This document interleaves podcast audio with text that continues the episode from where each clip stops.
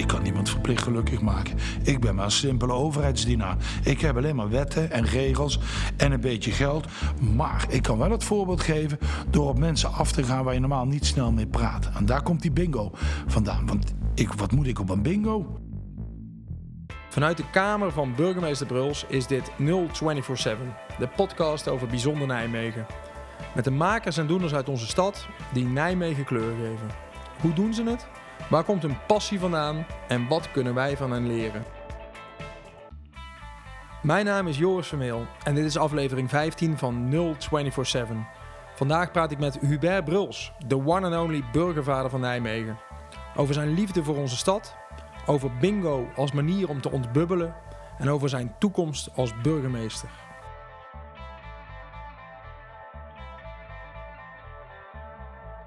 Voor de mensen die u niet kennen, hoe zou u uzelf introduceren?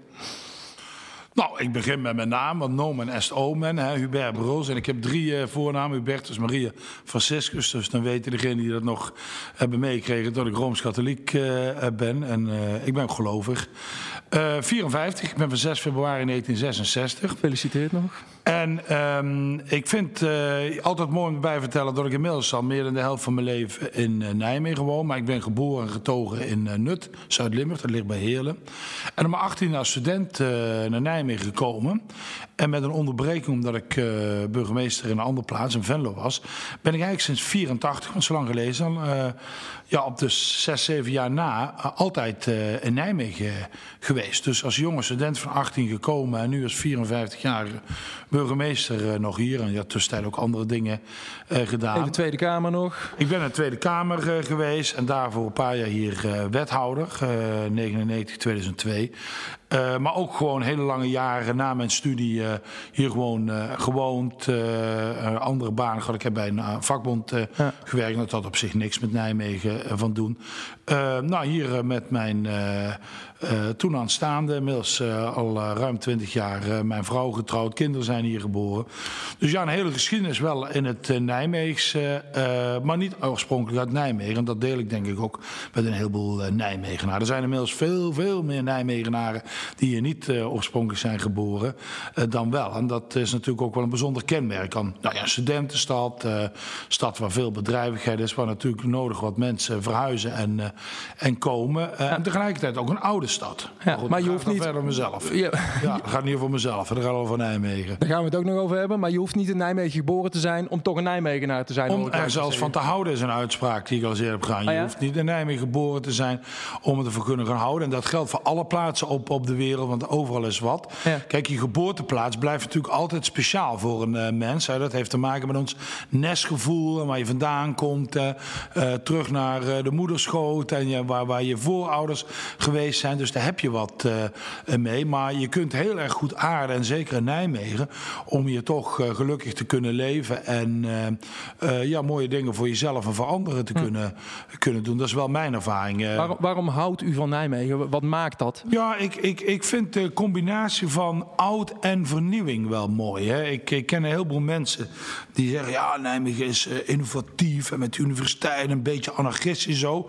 Nou, dat is ook wel, wel zo. Ik vind, maar ik vind niet moeten overdrijven. Ik vind Nijmegen ook in heel veel opzichten behoudend. Het is ook echt een oude stad. Hè? De liefde voor de geschiedenis eh, voor de stad zit er bij veel mensen. Nou, dat kun je niet bepaald innovatief noemen. Maar ik vind het prachtig hoor. Ik vind dat, dat heb ik altijd mooi gevonden. En wat ik hier in Nijmegen, waar, waar ik ook persoonlijk um, graag op warm draai, is dat je. Je moet vernieuwend zijn, juist om het oude te kunnen behouden. En dat is hier in die stad aan de hand. Je moet soms nieuwe dingen, nieuwe invalshoeken bedenken. om juist het oude te kunnen behouden. Nou, ik geef een voorbeeld hè, om dat levend te maken. Um, wij zijn, het is natuurlijk een drukke stad. Er komen steeds meer mensen bij. Dat betekent dat de ruimte die we hebben, ja, die is krap. Dus we moeten echt wel creatief zijn om met z'n allen te kunnen wonen. En tegelijkertijd willen we alle mooie dingen behouden. Onze mooie groenvoorzieningen, de oude parken, uh, mooie oude gebouwen. Uh, sterker nog, we willen oude stenen van de Romeinen, van de keizers. Alles uit de Tweede Wereldoorlog willen we juist nog meer laten zien. Dat kan niet zomaar. Dus dat, dit, wil je dat doen, hè? wil je dus dat oude, wat je mooi vindt in de stad, laten zien, misschien nog wel meer laten zien, moet je dus creatief en innovatief zijn in bouwtechnieken in hoe je met elkaar eh, de ruimtes inricht. Nou, dat is een voorbeeld waar ik zeg, je moet dus innovatief zijn om het goede uit het verleden te kunnen behouden. En dat vinden veel mensen een lastige. Want die, die hebben sterk het idee, het is digitoom. Hè? Je bent of veroud, of je bent voor vernieuwend. Nou, dat vind ik altijd betreurenswaardige mensen, want die doen zichzelf uh, tekort. Ja, het is geen of-of, het kan ook uh, allebei. Ik denk zelfs dat het samen uh, hangt. Want iedereen die zegt, ik ben voor het nieuwe, die geloof ik niet. Nee. Want dan zou je nooit van iemand kunnen houden. Old City, Young Vibe. Maar wat ik zeg, als jij alleen voor vernieuwing kun je nooit van iemand houden.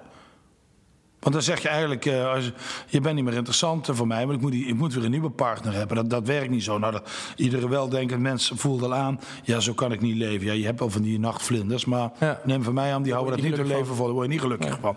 Met andere woorden, het hoort erbij. Old City Young Vibe, zo klopt het, ja. ja. Dat is ook, vind ik ook een mooie, mooie leus. Ook als je hem vertaalt is hij mooi, maar in het Engels klinkt hij ook nog uh, oude, leuk, oude stad, jonge, jonge sfeer? Jong gevoel, jonge sfeer, ja, zo is het wel. Dat is ook zo. Kijk, want dat is het omgekeerde.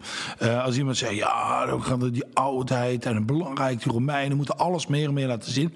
Ja, wij zijn geen openluchtmuseum hier. Daar moet je naar het openluchtmuseum in Arnhem gaan of een ander, het Valkhof Museum. Ja. Uh, we gaan hier geen Romeinen doen. Wij gaan niet alleen de Tweede Wereldoorlog laten zien. En er, er zijn ook mensen, moet je erkennen, die hebben daar wat minder uh, mee, maar willen wel iets in de stad en hebben ook gevoel bij de sfeer van de stad. Hè. De stad is ook een zuidelijke stad, vind ik zelf. Heeft ook uh, steeds Burgondische trekken.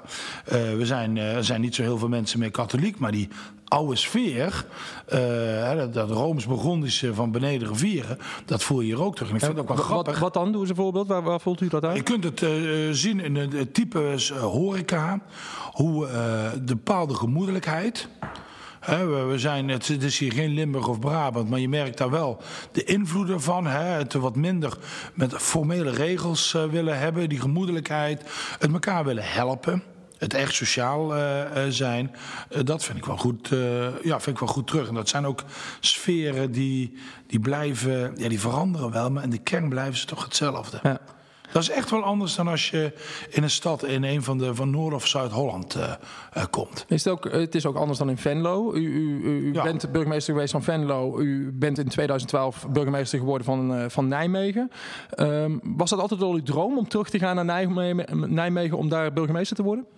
Nee, niet, niet in die zin. Uh, ik heb wel altijd uh, uh, hele goede herinneringen, ook in mijn Venlose tijd in Nijmegen bewaard. En ook op een bepaalde manier wat banden gehouden. Mijn vrouw heeft hier bijvoorbeeld altijd haar bedrijf behouden. Dus ja, je had altijd nog wel wat met Nijmegen. En ik kon me ook heel goed voorstellen dat ik er weer zou gaan wonen. Maar ja, kijk, burgemeester, daar moet je voor solliciteren. Mm. En dan moet toevallig op het goede moment moet er een vacature langskomen. waar je dan ook op af kunt. Maar in 2012 was dat het geval. Nou ja, ik was al op dat moment toen dat uh, die vacature gesteld uh, werd, eind 2011. Uh, ik ben in oktober 2005 in Venlo begonnen. Dus toen was ik al ruim zes jaar burgemeester daar. Dus het was wel een moment waarop je toch al was een nadenken van... nou, wat zou, wat zou de toekomst gaan brengen? Dus dat kwam in die zin ja, fantastisch langs. Dus ik voelde gelijk al toen die aankondiging kwam...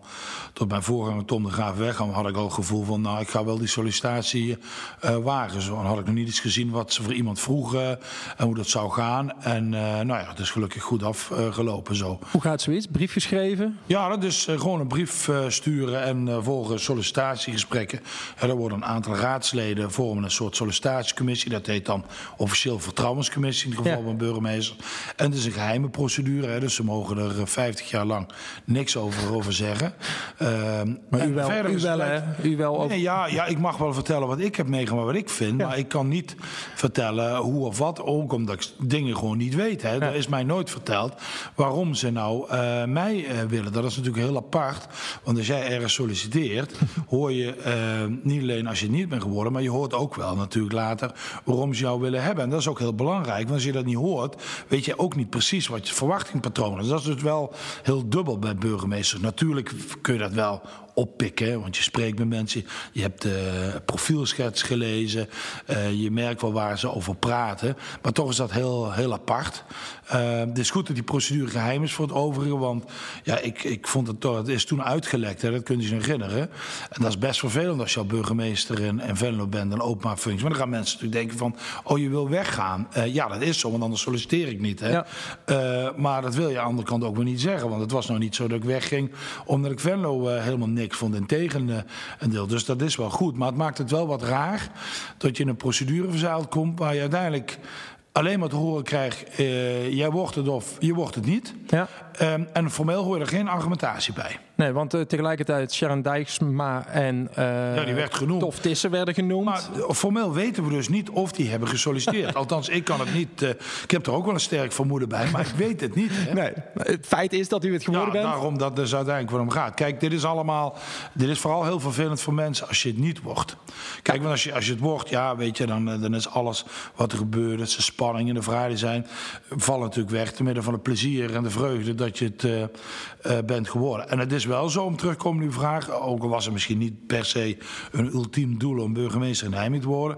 Ik vond dat wel ontzettend bijzonder. Ja. Dat uh, zou ik. Uh, ja, bij, er zijn een heleboel mooie gemeenten in het land waar ik me ook best kan voorstellen dat ik burgemeester zou kunnen zijn. Maar Nijmegen is toch wel heel bijzonder voor mij. Omdat je op je achttiende als relatief jonge snuiter het eerste stad zo bent binnengegaan. Althans als student. Ik was wel eens eerder geweest. En um, ja, daar kom je als burgemeester terug. Ik weet nog heel goed toen ik. Uh, uh, ik ben toen in maart, begin maart 2012, werd bekend dat ik burgemeester word. En toen moest ik een paar weken erop hier in de stad in de Schouwburg uh, zijn. Uh, voor het afscheid van iemand. Karel van Eert, die werd toen burgemeester in Beuningen. En die nam afscheid als medewerker van de regio. En die kende ik heel goed. Dus ik was uitgenodigd voor het afscheid. En dat was de eerste keer nadat bekend was dat ik in Nijmegen kwam. Dat ik weer in Nijmegen terugkwam.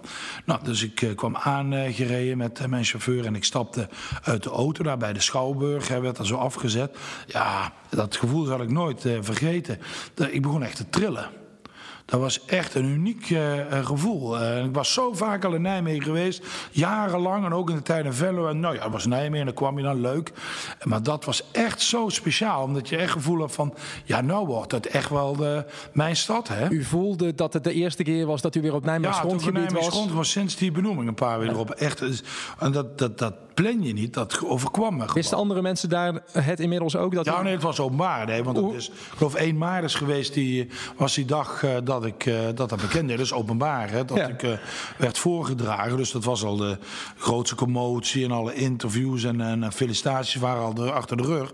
Dus het was eigenlijk al wat ingedaald. Maar toen kwam ik dus voor de eerste keer van mij persoonlijk. Dacht, je ziet toch, dat doet toch wel wat met je. Ja, nou. mooi. 2012, u wordt burgemeester. Zou u mij kunnen vertellen wat de rol van een burgemeester eigenlijk inhoudt? Want u heeft heel veel verschillende rollen, heeft u. Ja. Dat lijkt me heel ingewikkeld. Kijk, als je het vraagt aan iedereen onder de 10 jaar en boven de 70, die zeggen dat ik de baas van de stad ben. En laat ik gelijk zeggen, ik laat die mensen ook hun baan. Dat is, uh, maar dat is natuurlijk niet zo. Nee, kijk, een, een burgemeester terecht, wat hij zegt, heeft, heeft, heeft, veel rollen. Um, uh, uh, hele belangrijke zit erin. Ik ben natuurlijk, dat zien veel mensen niet, behalve als ik de gemeenteraad voorzit, hè, ben voorzitter de gemeenteraad. Maar dat zijn rollen waarin je deelneemt en voorzitter bent van wat de gemeente allemaal heeft te besluiten. Ik ben voorzitter van de gemeenteraad, voorzitter van het college van burgemeester wethouders. Je zou kunnen zeggen, de gemeenteraad is ons lokaal parlement en dat college van burgemeester wethouders is eigenlijk een soort ministerraad, de uitvoerende macht, om het zomaar plechtig te Het mooie Nederlands systeem is dat die burgemeester beide de voorzittersrol speelt. Dat is bewust bedacht, omdat die burgemeester dus de verbindingspin is tussen de volksvertegenwoordiging en de uitvoerders. Uh, en uh, dus daar zit al heel veel van mijn tijd in. Dat gaat gewoon dus gewoon, nou, je zit er vergaderen voor, er moeten besluiten worden voorbereid, besluiten worden genomen. Burgemeester heeft in Nederland ook een hele belangrijke taakgebied van veiligheid. Je bent niet het hoofd van de politie, maar wel het bovenste gezag van de politie. En hoofd van de brandweer. En tegenwoordig zijn die taken flink uitgebreid. Burgemeester hebben een heleboel taken erbij eh, gekregen die er twintig jaar geleden niet was. Dus veiligheid zou je kunnen zeggen, naast dat bestuur en besluiten, is je tweede grote aandachtgebied. En van een burgemeester wordt ook verwacht, een derde, dat hij de burgervader of de burgermoeder is. Het gezin, die is toch het boegbeeld van, van, van de stad. Dat merk je ook. Hè. Ik vind het wel mooi dat zo'n ouderwets begrip is burgervader. Mensen gebruiken dat nog. Ja. En dat is ook goed, dat heeft echt een functie. Want ik ben natuurlijk niet letterlijk de burgervader van iedereen. Maar um, soms is dat wel zo. Ik noem het wel eens, we leven in een land uh, waarin uh, waar het heel horizontaal is. Zeg maar je en jij en de meester heet Jan en we doen allemaal met elkaar. We zijn gelijkwaardig. En dat is ook zo. Dat is echt anders dan 50 jaar geleden. Maar aan de andere kant verwachten mensen toch altijd op bepaalde momenten iemand die de leiding neemt, die besluiten neemt, die uitstraalt van ik ben er voor jullie. En dat is die burgemeesterrol in dat opzicht is juist veel, is mijn stelling, veel sterker nog dan de jaren 90. In de jaren 90 vonden mensen het misschien zelfs helemaal ouderwets. Maar ik merk dat dat helemaal teruggekomen is. Dat ook, ik zie het zelfs bij journalisten die gewoon ongegeneerd opschrijven. De burgervader en burgermoeder. Nou, als ze dat in de jaren 90 deden, zeiden ze van, kom je uit de jaren 50? Ja. En dus je ziet dat die oude dingen weer terugkomen. En dat is logisch, want mensen hebben, zeker in deze complexe samenleving, hè, waar heel veel van mensen gevraagd wordt, hebben ze iets van lichten nodig. Hebben ze iets van guiding, guidance uh, nodig. En een burgemeester speelt die rol op veiligheidsterrein, maar ook bij liefde van leed. Ja. U voelt zich geroepen om die rol ook op zich te dat nemen. moet je wel liggen, ja precies. Nee, dat moet je wel liggen. Dat zie ik bij al mijn collega's. Uh, burgemeester zijn is een beroep, maar het is ook een vak. Het is ja. ook een beetje een groeping, als ik het zo mag uitdrukken. En je moet dit combineren. En dat is misschien nog wel het meest bijzondere aan burgemeester zijn. Je moet het combineren. Kijk, mensen zeggen, ja, zoals die burgervader, burgermoeder... dat is de belangrijkste rol. Dan zeg ik, dat is niet waar. Want als een burgemeester niet goed kan besturen... geen goede contacten met ministers kan hebben... niet goed kan onderhandelen... dan heb je niks aan zo'n man of vrouw. Moet je niet willen. Zijn. Nee. Want dan, dan, dan, dan gaat die gemeente de soep in. Maar de omgekeerde. Een kille bestuurder die alleen maar een bestuurder is en besluiten neemt. En een crisismoment uh, heel goed weet wat te doen. Maar geen gevoel heeft over hoe mensen uh, uh, zich, zich beleven en daarop meegaat. Die kan het ook niet zijn. Sterker nog, ik ben nou met mijn Venlos-jaren erbij 14,5 jaar burgemeester op het moment dat wij uh, elkaar spreken. Ik heb gewoon geleerd en gemerkt hoe je mensen mee kan krijgen die het 180 graden niet met jou eens zijn. Geef ons het dat is een heel bijzondere. De, uh, dat heeft ermee te maken dat mensen, als ze je vertrouwen, zeggen van nou oké, okay, ik ben het misschien niet eens met wat die man of, of die vrouw daar zegt. Maar hij heeft wel erover nagedacht. Hij heeft allerlei mensen om zich heen die er verstand van hebben. En hij heeft een bepaalde koers. Hij heeft een bepaalde visie op. En dat is goed om dat te volgen, want we moeten wel iets doen. We kunnen niet alleen maar blijven praten en mekaars mening hebben. Dit vraagt dus wel heel veel van je persoonlijke integriteit. Want we hebben natuurlijk genoeg voorbeelden in de geschiedenis van charismatische uh, leiders die de meest verschrikkelijke dingen hebben gedaan. Met steun van hun volk. Voorbeelden hoef ik denk ik niet eens te noemen. Nee. En um, dat groep vraagt dus enorm veel van je persoonlijke integriteit. Want dit is niet alleen bij de burgemeester toepassing. Dit geldt bij iedereen. Dit geldt bij de CEO bij een bedrijf. Dat geldt voor een, uh, een minister of een wethouder. Dat geldt voor ieder, iedereen die een bepaalde leidende rol heeft. Het bijzondere aan een burgemeester is dat hij op essentiële momenten gewoon alleen is. Er is maar één iemand burgemeester in deze stad van 178.000 mensen. Dat bent u. En dat ben ik toevallig. Hoe, is dat? U, u, kunt niet uit, kan ik me zo voorstellen. U staat altijd aan.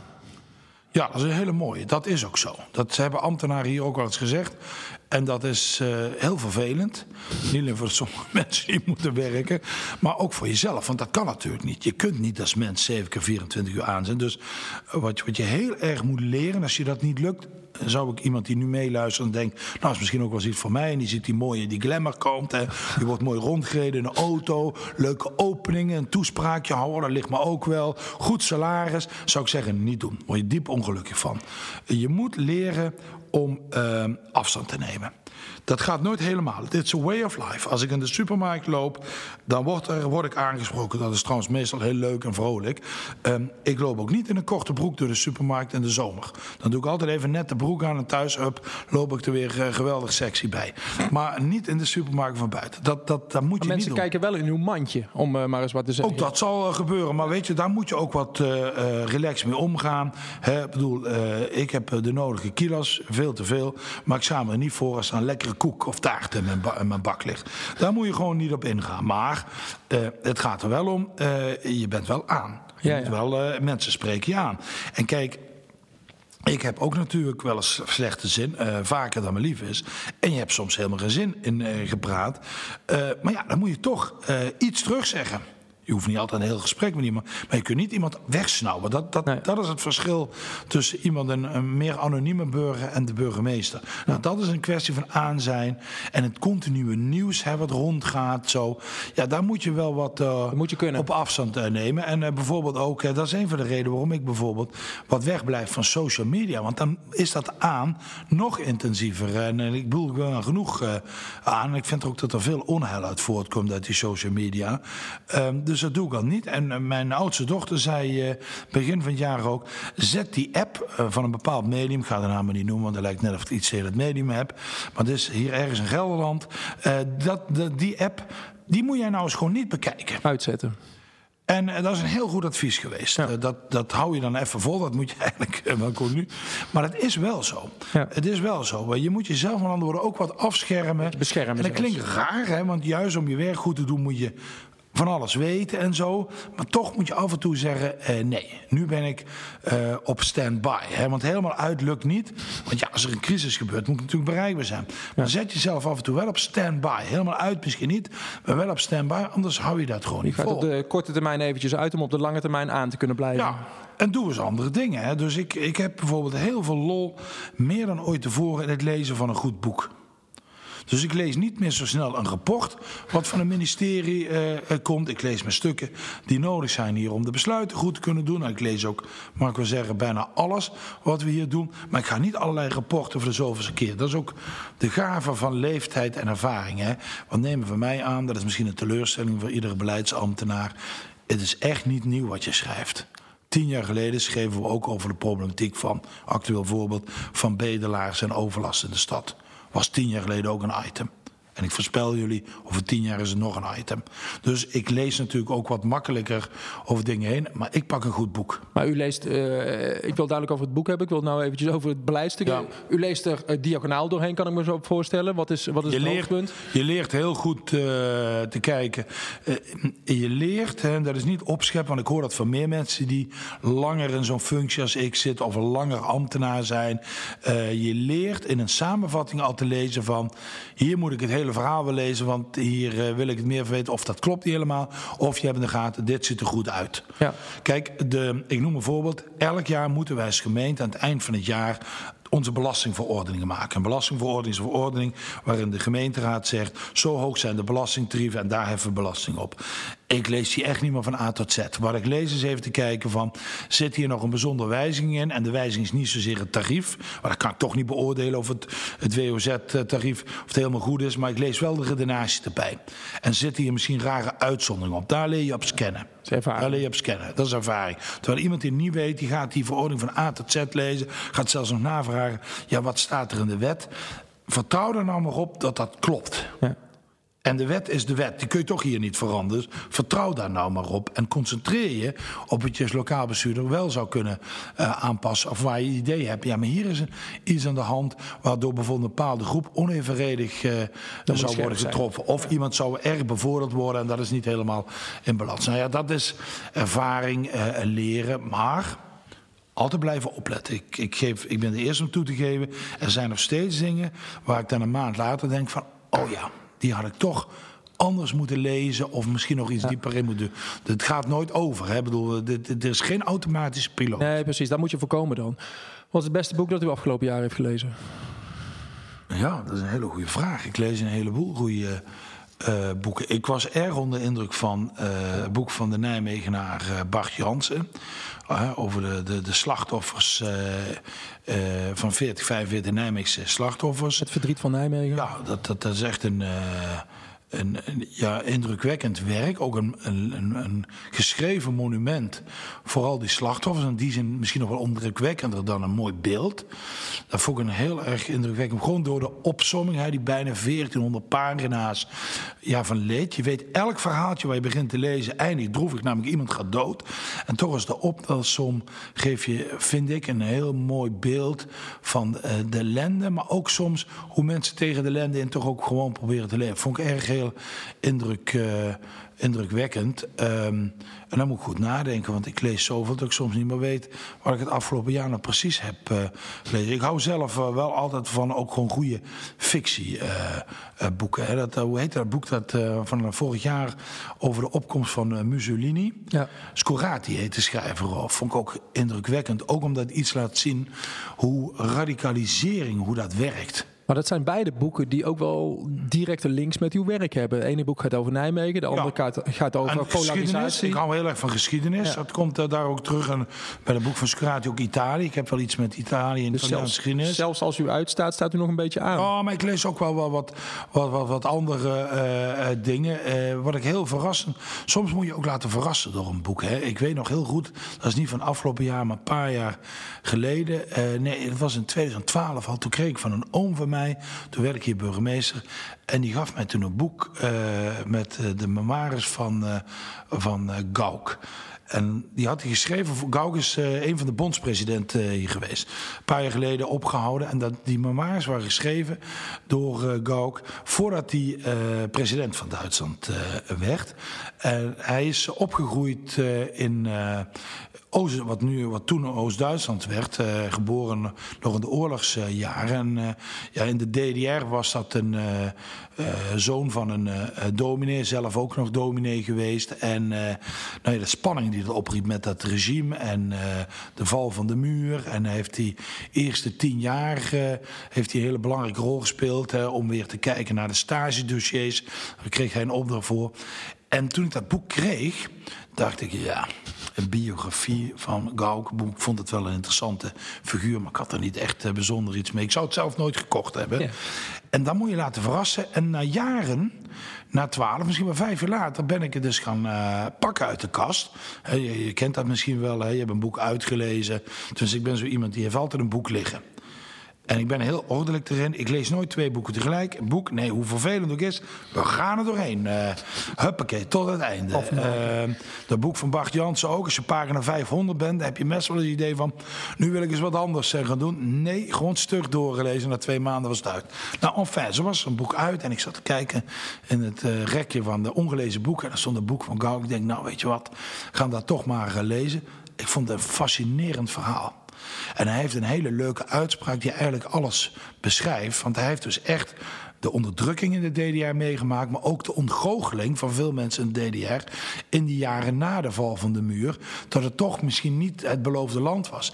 En hij zei toen zo mooi bij de tienjarige gedenking in 1999 van de val van de muur, mocht Gauck spreken voor de Bondsdag en toen heeft hij een zin uitgesproken, die vind ik geweldig om altijd te citeren, van ja kijk eens, wij droomden in de DDR van het paradijs, maar we kregen Noord-Rijn-Westfalen. Maar hij bedoelt het positief. Want het is natuurlijk nog in Westfalen, is natuurlijk niet het paradijs. Maar vergeleken met wat de DDR was, wel een enorme verbetering. En dat vond ik zo mooi, hè. Die man heeft van alles meegemaakt, is ook na 89 door heel veel Oost-Duitsers vaak verfoeid van... jij doet niet genoeg je best om die stagedossiers openbaar te maken. Hij was voorzitter van de club die dat moest begeleiden. En dan moet je soms beslissingen nemen van... ja, je mag wel een dossier zien, maar we gaan niet eindeloos. Soms is er ook iets privacy. En je moet ook accepteren dat we verder moeten leven. Je kunt niet blijven afrekenen. Hè? Iets wat Nelson Mandela natuurlijk in Zuid-Afrika geweldig heeft aangepakt. Dat is een enorme uitdaging voor een samenleving. Want zoiets kan ook ontsporen. Daar hebben we ook voorbeelden uh, van. Hè? De Hutus en de Tutsis slaan met elkaar tot op de dag van elkaar de koppen in. Omdat ze niet een manier hebben gevonden om verzoening te bereiken. Om vergeving uh, te bereiken. En dat, dat probeert die Gauk wel. En dat drukt hij het zo mooi uit. Hè, van, we hadden hele grote dromen. Nou, die zijn niet uitgekomen. Maar hij eindigt zijn boek ook met te zeggen van... En toch zal ik tot mijn laatste snik de vrijheid verdedigen... die we hebben gevonden in de Bondsrepubliek. Ja. Want als je het vergelijkt met wat we hebben meegemaakt, is dat zo'n bevrijding uh, uh, geweest. En het is belangrijk, dat soort getuigenissen. Want laten we eerlijk zijn, wie weet nog van de val van de muur en wie weet nog iets van het Oostblok? Dat zijn niet veel mensen meer. Nee. Iedereen die uh, jonger is dan, dan 40, kan zich daar niks een voorbeeld bij maken. Dus over 10, 20 jaar is dat echt geschiedenis. Hè? Leest u de Voetbal International nog wel eens? nee, daar ben ik mee opgehouden. Nee, je moet wel selecties maken. Nee, dat, uh, van het blad, maar dat is me... Ik ben wel een voetballiefhebber, maar uh, VI heeft ook een mooie app. Ik moet zeggen, die staat aan. dus daar kan je af en toe ook eens vragen. Ja, die app wel, dus ik volg het wel. Nee, maar je moet wel keuzes maken. Nee, dat, toen ik meer ja. tijd had, keek ik veel meer voetbal en las ik dat ook zo. Dat is meestal rondom WK's en EK's nog wel, maar nee, de VI heb ik... is een mooi vakblad, maar dat heb ik maar wat aan de kant gezet. Maar die app is goed hoor. Dus, u, u, kwam in 2012, uh, uh, werd u hier burgemeester. Het was in de tijd van het EK 2012. Ja. Ik heb mij laten vertellen vertellen dat een van de eerste opdrachten aan uw secretaresse was om vooral rond de wedstrijden, niet alleen de wedstrijden rondom het Nederlands elftal, om die vooral Ja, vrij absoluut. te boeken. Absoluut. Waar- Ja. Waarom is dat zo belangrijk? Omdat ik eh, dat. eh, eh, ik vind voetbal heel erg leuk. En ik heb door het jaar. Ik zal door het jaar er nooit iets voor laten vallen. Als iemand me zou bellen, er moet iets gebeuren. Dan kom ik zelfs als VVV, NEC samen de Champions League finale zouden spelen. Nou, dat is wel heel. hè? Dan dan zou, zou ik, als er, en er is een crisis of iets, dan gaat dat voor. Eh, dat zou uiteraard ook bij een eh, voetbalfinale zijn. Maar ik vind EK's en WK's vind ik iets speciaals. Omdat ik ze al... eh eerste WK-wedstrijd wat ik zag was WK 74. Toen was ik acht jaar en toen had ik nog niet het geduld... om die wedstrijden helemaal uit te kijken. Dus ik kan me herinneren dat ik dan één helft keek... en dan vond ik het iets saai. Dus ik heb zoiets half Nederland tegen, tegen Brazilië. Achteraf heel jammer, echt een legendarische wedstrijd. Finale heb ik wel eh, helemaal gezien. Ik kan me goed herinneren hoe we bij familie ergens in het zuiden zaten te kijken op een zondagmiddag. En, eh, maar dat vond ik ook saai, hè, want dan kwam Nederland voor en er werd 2-1. En ik was eigenlijk na rust, eh, ja, het schoot allemaal niet op. Hè. Als, je jong, als je jong bent, ben je vooral geïnteresseerd in het doelpunt. Dan kijk je niet zo naar het spel. Maar dat is inmiddels wel. En dat vind ik gewoon hartstikke leuk. En ik hou van die geschiedenis daarvan. Dus ik kijk, ik kijk ook op een andere manier. Dus mensen denken, oh, dat wil ik wel eens meemaken. En dat is jammer. Burgemeester kijkt alleen. Dus thuis heb ik apart, eh, eh, hè, waar, waar, eh, waar al onze boeken staan. We noemen het dan ook af en toe bibliotheek. Daar staat ook een televisie. Daar zit ik dan. En dan heb ik... eh, Rechts of links heb ik eh, mijn iPad eh, staan. Die staat dan meestal op eh, de BBC. Dus dan heb ik dat scherm, voetballers aan. Liverpool En, eh, heb ik me eh, laten ja, ja, ja, daarvoor. Maar dan kijk ik op BBC. Want die hebben dan toch, vind ik, die Britten qua voetbalverslag. Ja, ze zijn de uitvinders voetbal, dat merk je. Die hebben net iets meer kennis. En dan heb ik een andere iPad of mijn iPhone. En dan zit ik gewoon te kijken. Dus dan speelt bijvoorbeeld, ja, noem er eens eentje. eh, Uruguay eh, eh, tegen Cameroen. En dan ga ik even voetbalgeschiedenis opzoeken. Oh ja, Uruguay, wereldkampioen 50. En dan gaat dat verhaal. Ken- kennen jullie het verhaal? Van hoe Uruguay daar met de wereldtitel vandoor gaat. En die shock zijn de Brazilianen tot op de dag vandaag nooit helemaal overkomen. En die shock hadden ze in 2014 willen uitwissen. Terwijl het door de Duitsers eh, eh, vernederd. En minstens zo erg en zo. Maar dat is geweldig hè, hoe dat gaat. Hoe die, en dan het verhaal over die Braziliaanse doelman aan het 50. Die heeft nooit meer normaal kunnen leven. Hè? Die heeft nooit meer normaal kunnen leven. Toen hij, een paar jaar geleden is hij overleden. En Het enige verhaal wat over die man verteld wordt... is die verloren finale tegen Uruguay. Dus die heeft die En dan kun je zeggen, 60 joh, jaar met zich mee moeten brengen. Get alive, eh, Bruls. Get alive. Dit is een spelletje. Maar voetbal is meer dan een spelletje. Dit zegt iets over een samenleving. En wij zijn wel gek. Maar die Brazilianen en die Engelsen en die Duitsers zijn nog gekker. Voetbal, en daarom moet je daarvan veel weten. Ik gebruik dat ook in mijn werk. Hè. Ehm, eh, en daar zijn die WK's en EK's een interessant beleving eh, daarvoor. Maar je kunt het ook mooi gebruiken. Nog een leuke anekdote. Een aantal jaar geleden, ik was nog in Venlo werd ik uitgenodigd voor een bijeenkomst van, van CDU in, eh in München-Gladbach. Nou, München-Gladbach is natuurlijk best wel knap wat die met Borussia hebben gerealiseerd. Een relatief kleine plaats voor Duitse begrippen. En eh nou, de jaren 70. Dit jaar, wie weet, gaat het lukken. Zou ik leuk eh, vinden. Maar ik moest daar eh, eh, spreken voor die bijeenkomst. En nou, dat, dat ging dan wel zo aardig. En toen sloot ik af van, ik zeg, dan moeten we wel in het Duits dan. Hè, dan moeten we wel iets van het hart. Om, dat was in de tijd dat Borussia speelde ook in de Bundesliga en Kullen ook. En met Borussia ging het toen slecht. Kullen, nu zijn de rollen omgedraaid. Borussia stond echt in de degradatiezone en Kullen stond er iets boven. En ja, Kullen, FC Kullen en, eh en eh, Borussia Mönchengladbach, dat is eh, water en vuur. Hè? Dat is een beetje zo NEC Vitesse. En die moesten tegen elkaar. En ehm, toen, eh, toen ja, Borussia ging slecht en Kullen had de wedstrijd gewonnen. En toen zei ik, ja, dan moet wel iets van het hart. Ik zeg, ik vind dat hier best mooie dingen gebeuren in Mönchengladbach. Maar ik vind het niet acceptabel dat jullie je nu afhankelijk maken van die Geidsburg en Kullen. Die hele zaal ging enorm los in applaus en gejoel. Dat is voetbal. Ja. Dat doet voetbal met een Ik hoefde niets meer te vertellen over hoe belang van eh, regionale samenwerking, bla bla bla bla. Hè. Dat, dat verhaal, dat is verhaal. Ja, voetbal staat voor een groter iets. Voetbal is iets, los van dat het spel als zodanig de samenleving in het klein is. Hè. Je moet samenwerken, je moet individueel excelleren, je moet in je conditie eh, werken, je moet leren, eh, je moet bescheiden zijn en brutaal eh, zijn. Het is een samenleving in het, in het klein. En het is precies hetzelfde als in, in de politiek. Als het misgaat, moet de trainer gaan. Dus daar kun je ook veel uit leren. Als het misgaat in jouw bedrijf of in de gemeente, dan wordt eerst gekeken naar de kopstukken, naar de, naar de trainers, naar de leiders. Ja. Dus dat is ook, kun je er ook van leren. Dat vergt ook een bepaalde vaardigheid. Uh, nou ja, enfin, dat, uh, ja. Dat, is, uh, dat, is, ja, dat is echt mooi. Wat, hoe zag uw eigen voetbalcarrière eruit? Ik heb, ik heb, oh, dat stelt niks voor. Ik hoorde, ik hoorde wel dat u een goede zaalvoetballer was geweest. Klopt ja, het? dat is nog wat langer geleden. Maar goed, dat is, dan moeten we terug gaan naar de jaren 90. Toen was, nee, ik, ik vind veldvoetbal veel leuker. Maar dat heeft ook te maken als je ouder wordt. je belasting op knieën en zo. En zaal vragen we meer. Maar ik vond zaal wel, wel leuk. Omdat bij zaalvoetbal komt het heel erg aan op uh, techniek en het tikken. En ik denk dat ik daar wat makkelijker, handiger was dan over het veld draven. Ik ben nooit het conditiebeest geweest en niet de snelle spurter en weet ik het allemaal. Dus nee, dat, ik denk dat dat meer, meer lag. Maar ik vind het veld wel mooier. Veld ja. heeft wat meer ja, die, die rauwheid en nogmaals dat samenwerken. Elf mensen samen laten werken is best lastig. Zeker. Het is lastiger dan vijf. Ja. Lastiger dan twee. Dat is mooi. Zo. Dat vind ik ook wel mooi in rugby overigens.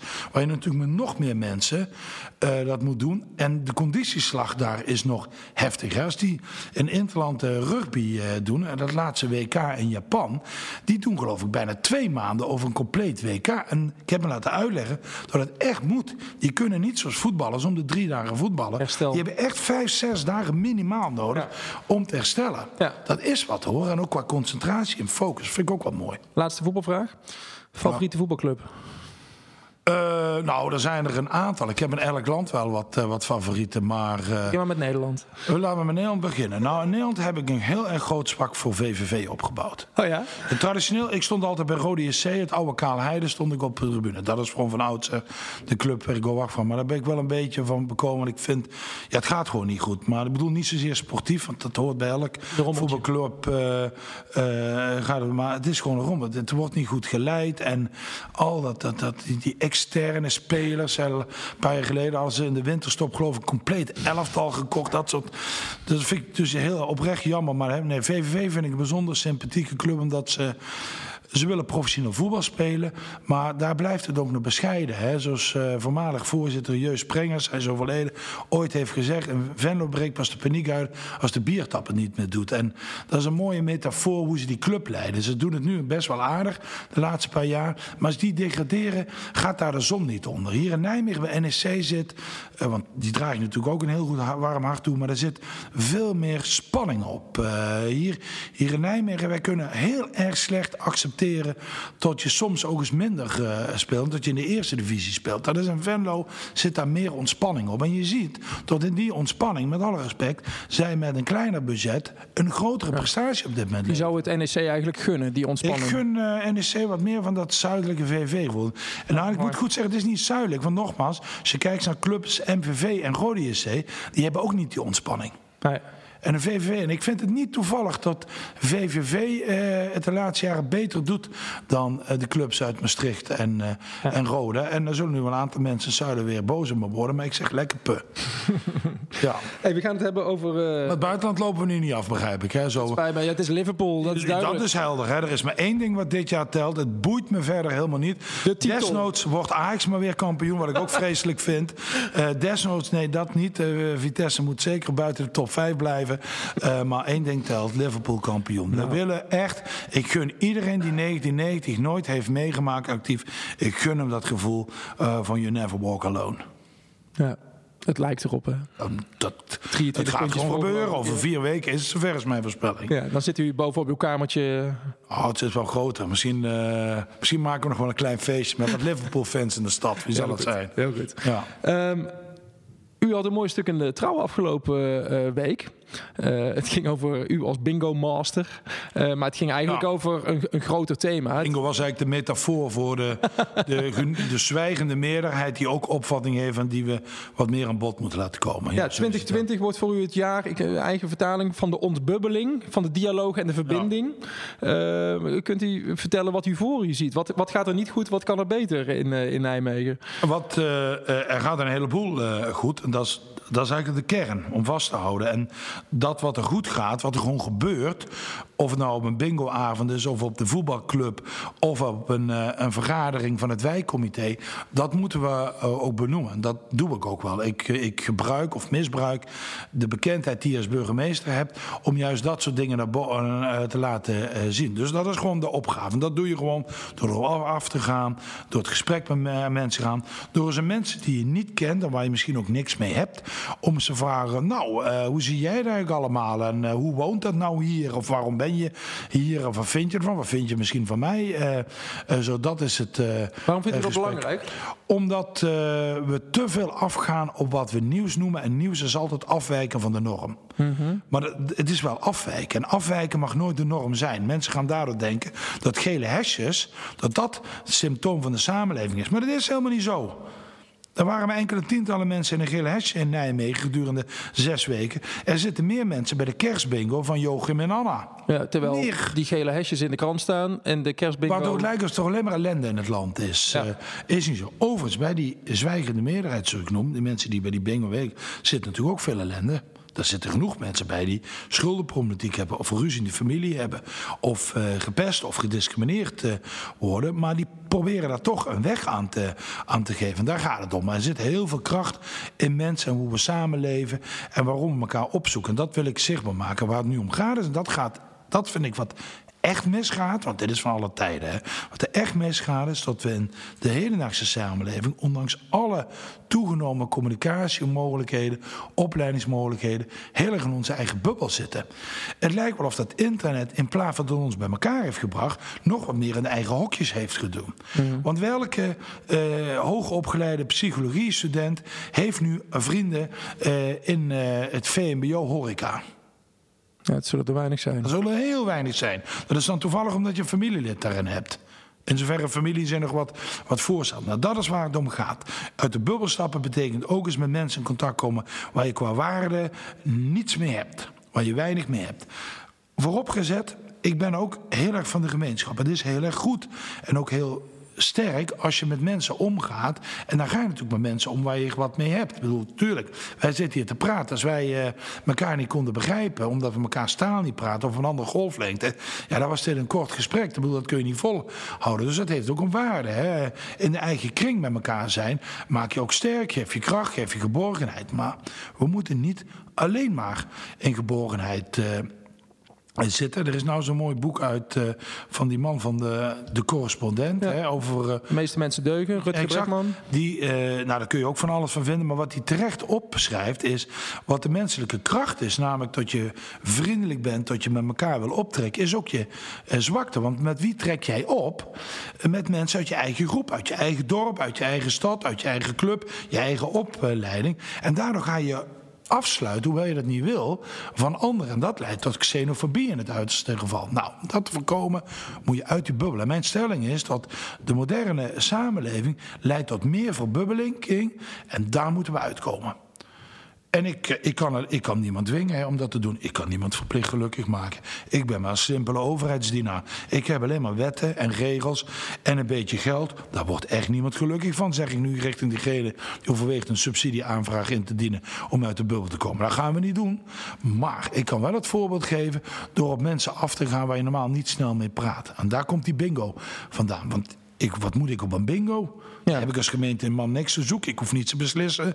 Uh, die mensen redden zich prima zelf. Maar ik kom er wel mensen tegen die ik anders niet tegenkom. En die mij ook nooit ontmoeten. Ik vind het een geweldig compliment als iemand tegen mij zegt... u bent de eerste gemeentebestuurder die ik ooit van mijn leven zie. Ja. Iemand die 80 is. Ja. Ja. Kun je zeggen, nou nou, wat jammer. Maar ik vind het ook een compliment. Want ik vind het logisch dat 178.000 mensen niet altijd de burgemeester of de wethouder hebben gezien. En waarom zouden ze ook als ze zelf kunnen leven? Maar u geeft daar het goede voorbeeld. Dat is eigenlijk wat u doet. U laat zien. Dat is wat ik probeer, ja. Ja, precies. Een voorbeeld dat gevolgd zou mogen worden, wat u ja, betreft. Ja, dat denk ik wel, ja. Kunnen we geen hele grote bingo voor de hele stad organiseren? Nou, maar er zijn ook alternatieven. Ik zeg het ook al tegen de raadsleden en wethouders. Als je ergens bent, ga nou niet met je eigen groepje praten, maar stap er eens een ander groepje toe. Heb ik ook ook moeten leren. Want uh, 20, 25 jaar, ja, 20 jaar geleden ruim, toen ik uh, in de actieve politiek uh, kwam en ik moest naar recepties gaan, ik, ik durf dat best wel te bekennen. Uh, toen ik wethouder moest worden, hadden, vond ik heel veel dingen mooi. Maar voor één ding schrok ik terug. Ik had niks met recepties. Ik, ik denk, wat vreselijk moet je allemaal praten en doen. Dat moet je ook leren, want dat is ook vermoeiend. Ja, dat klinkt heel stom. Sommige mensen denken lekker bier drinken en een bitterbal, al of niet vega eten. Maar dat is, als je echt je taak serieus neemt, is er vermoeiend. En wat ik zeg, dat kun je leren. Je kunt met mensen gaan praten die je niet kent. Waar je misschien denkt, nou, daar heb ik niet mee en die kom je niet tegen. En dat is waar ik anderen ook voor hou. Doe dat uh, nou, want dat wordt enorm gewaardeerd. Ja. Dat is niet omdat uh, leuk voor mij is, maar mensen zelf stellen de norm van prijs. Net zo goed als wij zitten, met elkaar praten, zeg ik, elkaar erkenning geven. Dat is wat ik probeer uit te stralen. Dat zal niet alleen zijn omdat u burgemeester bent. Het zal bij, ik doe even aanhangstekens, normale mensen zal het ook zo zijn, zegt u. Als, ja, zeker. Als de zeker. verschillende bevolkingsgroepen, de verschillende Daarom, bubbels met elkaar in contact komen. Dus als je iemand ziet strompelen, uh, zeggen ze van, oh jee, is het heel vervelend. Nou, misschien dat iemand geen zin in een praatje. Nou, prima. Dan reageert hij niet, maar misschien zegt hij ook, ja, ik heb dit, uh, of ik heb een blessure, of ik ben uh, gehandicapt. Je bent in contact, je maakt of, contact of zegt van, nou, ik heb er niet zo'n probleem meer mee. En nou, dat zijn hele kleine uh, dingen, hè. Want ja, ik, ik, merk wel eens mensen die vinden wat, die beginnen ook te lachen, bijvoorbeeld over die bingo, of als je een praatje over het weer maakt. Praten over het weer is essentieel. Het gaat helemaal niet over het weer, want daar gaan we helemaal niet over. Maar een van de eerste dingen die ik ochtends altijd zeg als ik in de auto stap, de chauffeur. Nou, het is wel lekker weertje, of het gaat wel flink regenen. Ja, en zo breng je het gesprek op gang. Ja. Zo, daar gaat het, daar gaat het om. En dat is, um, dat besef, hè, die psychologie, en wat dat betreft is psychologie, ik heb het niet gestudeerd, wel een hele mooie uh, studie. Want uh, die technieken, dat weten, is bepalend om hoe je met mensen omgaat. En het gaat, ik heb het volgens mij al eerder in dit gesprek gezegd. Je kan mensen meekrijgen met jou die het inhoudelijk niet met je eens zijn, maar gewoon dat ze het gevoel hebben: ik krijg erkenning, ik word serieus genomen. Uh, maar ik accepteer ook, ik kan accepteren dat die burgemeester of die wethouder of die bestuurder een besluit moet nemen, ook als het niet mijn besluit is, maar hij heeft, is wel met mij omgegaan. Ja. Hij erkent mij. Um, ik las een stuk waarin u het had over het gematigde midden. Uh, dat zijn mensen die nuancering in zich hebben, die ook begrip hebben voor de ander. Dat is het wezen, want iedereen heeft opvattingen, ook hele sterke opvattingen. Ik heb hele sterke en duidelijke uitspraken, denk ik. Tenminste, dat uh, krijg ik wel eens terug. Um, maar waar het verschil is, dat een heleboel mensen die radicaliseren erin. En wij luisteren en krijgen alleen maar te horen via de officiële media en ook de social media, die geradicaliseerde mening. Maar de, die grote massa, die meerderheid, heeft ook wel opvattingen, maar die kan ook snappen tot een ander iets anders vindt. Van ik ben tegen Zwarte Piet, maar ik heb er ook wel begrip voor dat heel veel mensen vanuit hun jeugd en traditie dat gewoon leuk vinden en die bedoelen dat niet slecht. En omgekeerde van nee, ik wil voor Zwarte Piet, dat is geen discriminatie en dat, dat moet niet. Maar ik snap ook wel dat er mensen kunnen zijn die vanuit hun achtergrond, die wel gediscrimineerd zijn, daar aanstonden nemen. Kijk, dat is nuanceren. Maar die genuanceerde meerderheid, die hoor je bijna niet. Dat is uw nou ja, die is niet interessant. Ja. Want ja, nuances zijn geen nieuws. Nou, daarom zeg ik, wat mijn, wat onze opgave is als mensen die een leiding hebben luister er wel naar. En, ga, en dat doe je door er ook actief op af te gaan. Met andere woorden, laat je niet leiden door de gepolariseerde mening. Dat artikel in Trouw had een prachtige uh, subkop die ik niet had bedacht, maar die in de kern wel klopt. Burgemeester Bruls is opgehouden met praten met de polarisaties. Pats, en zo is het net. Ja. Dus dan weten al die extremisten in de stad. Ik zal altijd met ze praten, maar ik ga er niks mee doen. Ik ga er niet rugbreid aan geven. Ik geef rugbreid eraan dat ik met dat midden heb gesproken. Dat is wat ik uh, doe. En dat kost mij veel tijd. Vooral omdat ik niet via social media doe. Want die, die maken alleen maar polarisatie groter. Want ja, je moet naar die bingo toe. Ja. Je moet naar die voetbalclub toe. Je moet die, uh, dat 65 jaar huwelijkspaar moet je gaan feliciteren. Maar ik geef iedereen een briefje. Het betaalt zich dubbel dwars uit. Daardoor heeft Nijmegen een betere burgemeester dan als ik dat niet zou uh, doen. Dat durf ik gerust te stellen na bijna acht jaar je burgemeester te zijn. Dus dat is niet goed voor mij. Het is ook goed voor uh, het werk wat ik, uh, wat ik doe. Ja. En ik kan het iedereen aanraden. U bent in 2012 gekomen, burgemeester zitten voor zes jaar. U bent in 2018 herbenoemd. Ja. dat betekent dat u nog vier jaar voor de boeg heeft. En dan? Wat gaan we dan doen, meneer Bruls? Dat weet ik nog niet. Ik ben uh, onlangs 54 uh, geworden. Um, ik weet wel dat uh, twee periodes, twee keer zes jaar, zou ik wel redelijk de max vinden. Dat is in het huidige tijdsgevricht best een lange periode. We hebben het erover gehad. Hè. Ik bedoel, je staat toch altijd aan of op zijn minst stand-by. Dus, en als je dat te lang in een bepaalde rol doet, in mijn geval de rol van functie van burgemeester van Nijmegen, dan denk ik dat het goed is dat daar eens een ander zou komen en ik iets anders ga doen. Wat dat dan wel moet geworden, weet ik niet. ik vind burgemeester zijn een geweldig vak. Dus ik kan me goed voorstellen dat ik nog eens uh, ergens anders iets zou willen gaan doen. Maar ik weet het uh, oprecht niet zo. Misschien belt er nu iemand om dat te melden. Die gooien we eruit. Een zaakwaarnemer. En nou, nee, nee, anoniem lees ik toch, jee. um, nee, dus ehm, dan weet ik niet. Op dit moment gaat het prima. Maar ik zeg wel heel open 12 jaar zou ik ook echt wel de max vinden. Dus ergens de komende jaren kan het best zijn uh, dat ik iets anders ga doen.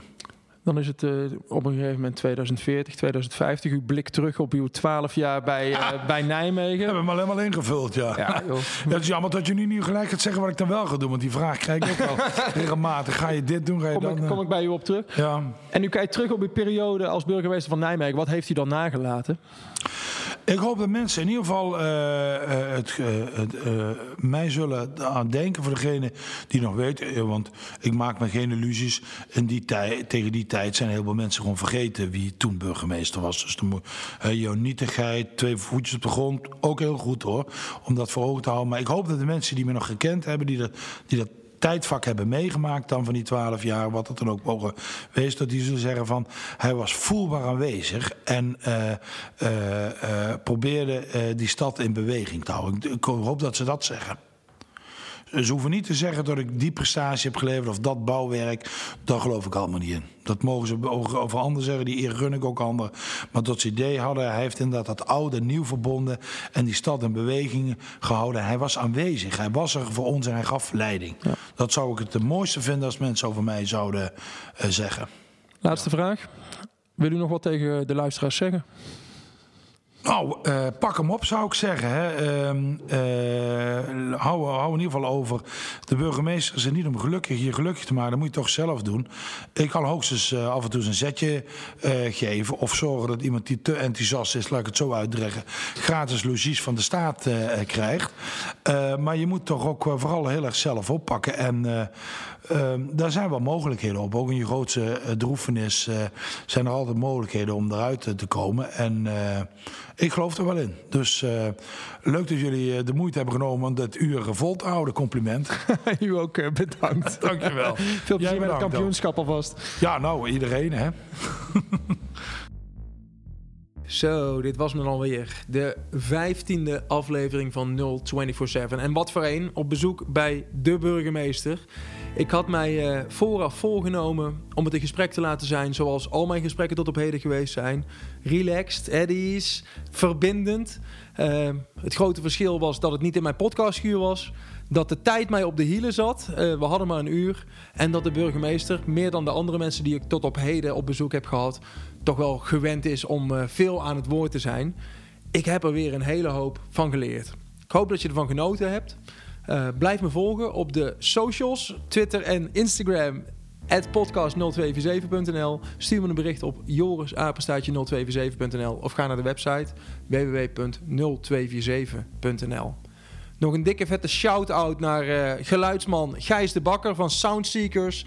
Die zo gek en zo tof was om met me mee te gaan. Uh, zodat ik me tenminste over de techniek geen zorgen hoefde te maken. Gijs, je bent een topper, dankjewel.